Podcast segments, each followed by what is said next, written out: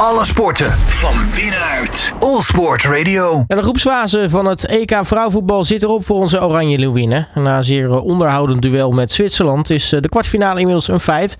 Maar doordat Nederland op eh, doelsaldo achter Zweden eindigt in de pool, wacht er nu een hele moeilijke kwartfinale tegen toch een van de, favorieten voor het EK, namelijk Frankrijk. Ik ga erover praten met oud-international Marleen Molenaar. Marleen, hele goede middag. Ja, goedemiddag, Robert. Uh, hoi. Ja, allereerst, uh, hoe heb jij gisteren naar die, die, wedstrijd zitten kijken tegen, tegen Zwitserland? Want dat, was me toch een knotsgek einde?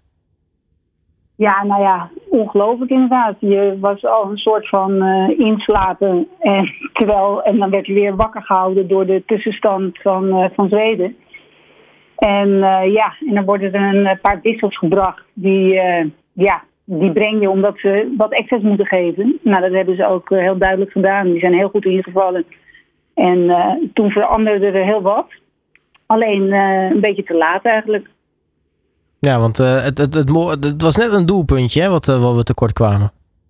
Ja, twee volgens mij.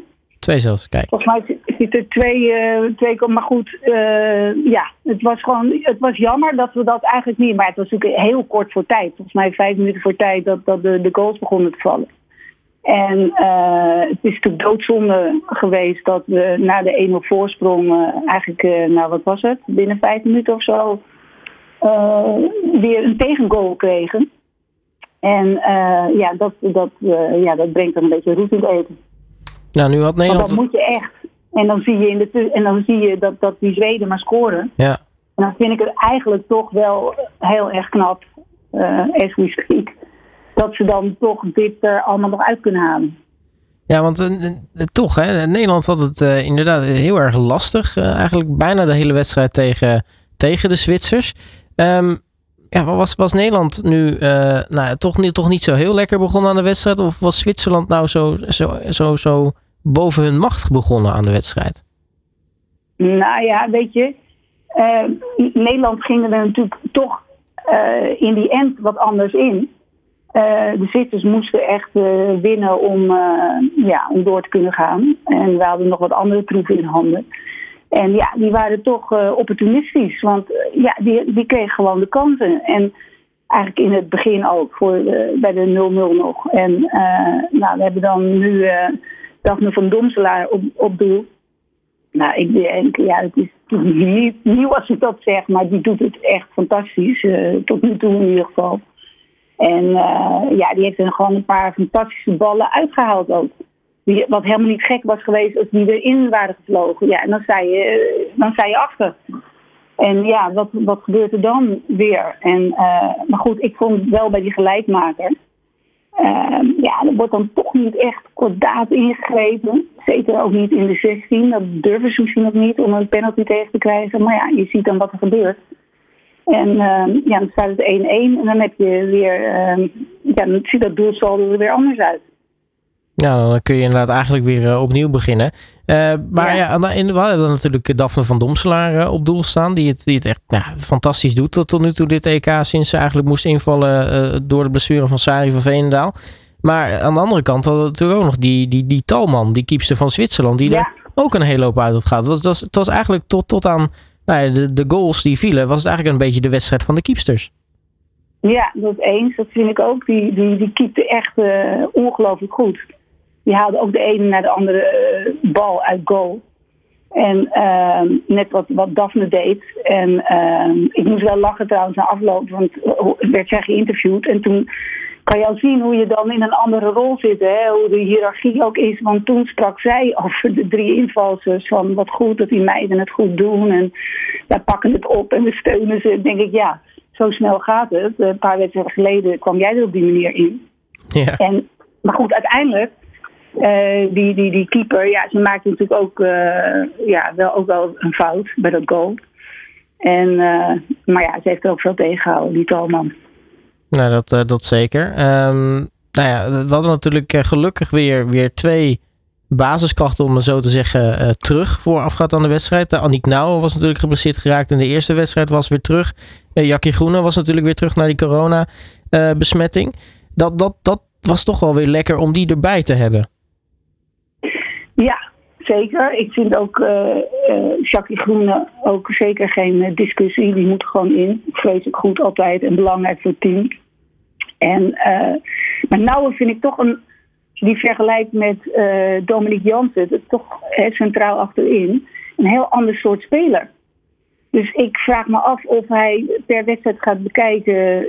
Ja, dat, dat is ook niet altijd fijn, want je wil eigenlijk met een vaste linie spelen natuurlijk. Mm Dus ook niet bevorderlijk. Maar kijk, Nouwen is natuurlijk uh, hartstikke sterk en uh, krachtig uh, aan de bal, goede kopper.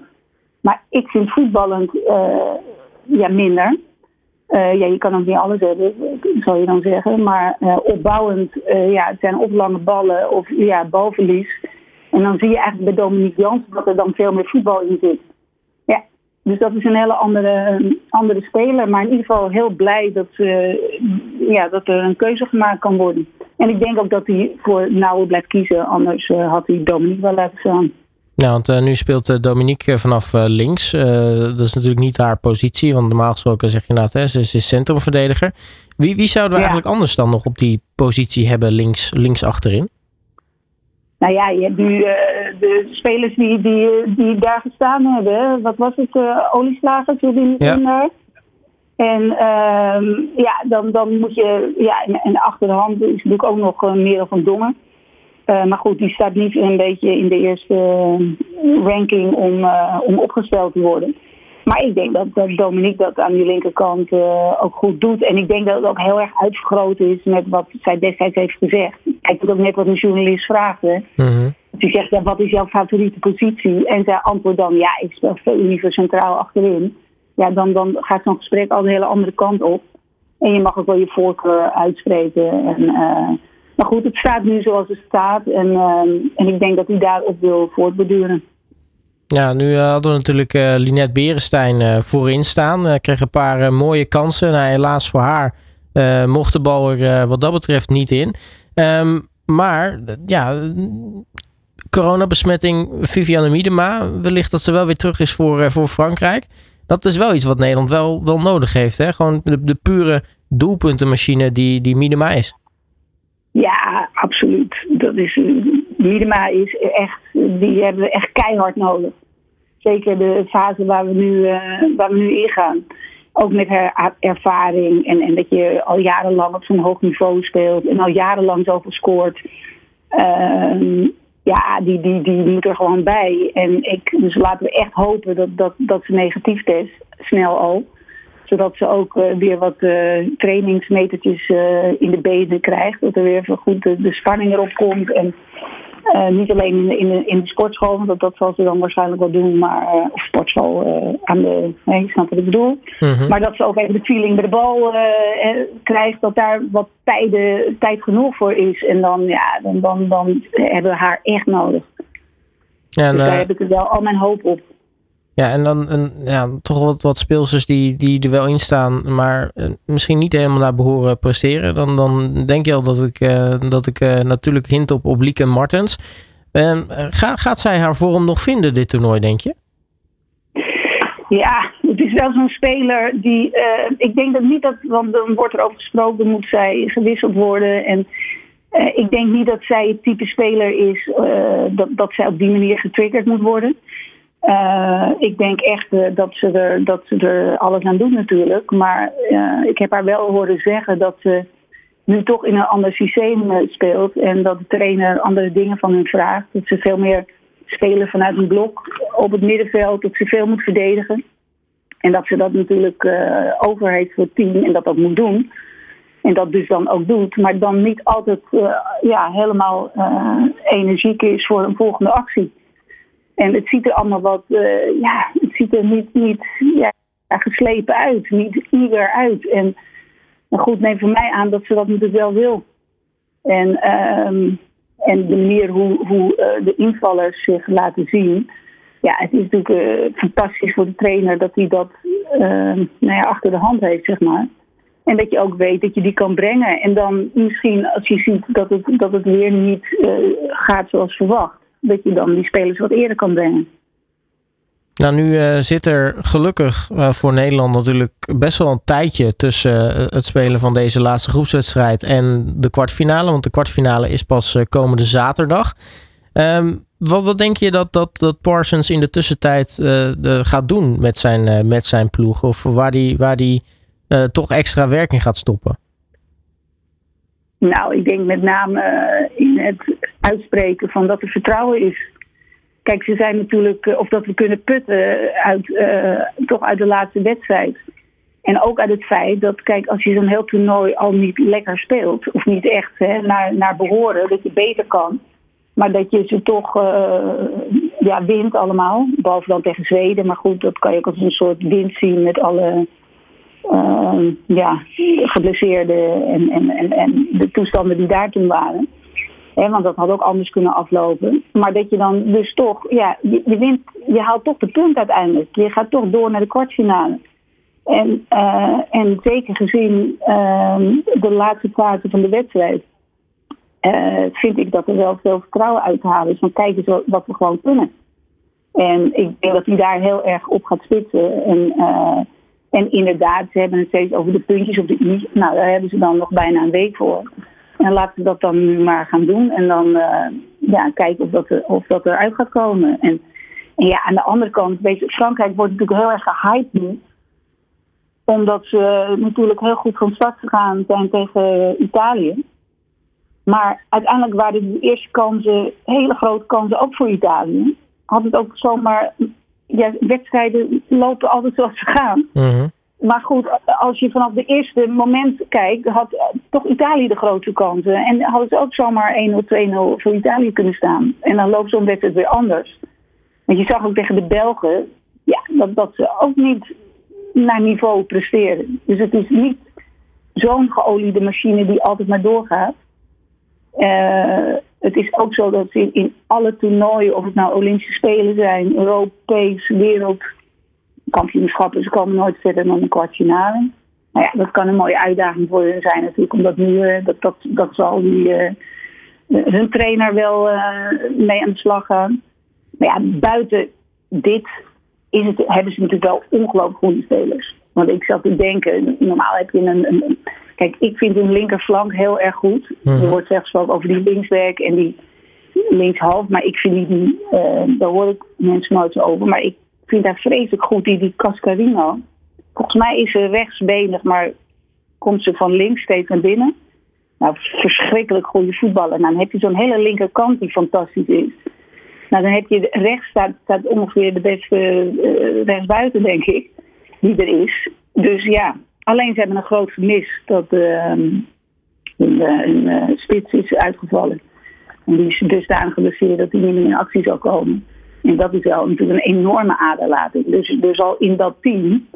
Uh, ja, ik denk niet. Ik vraag me af of zij nou zo ongelooflijk vol vertrouwen zijn.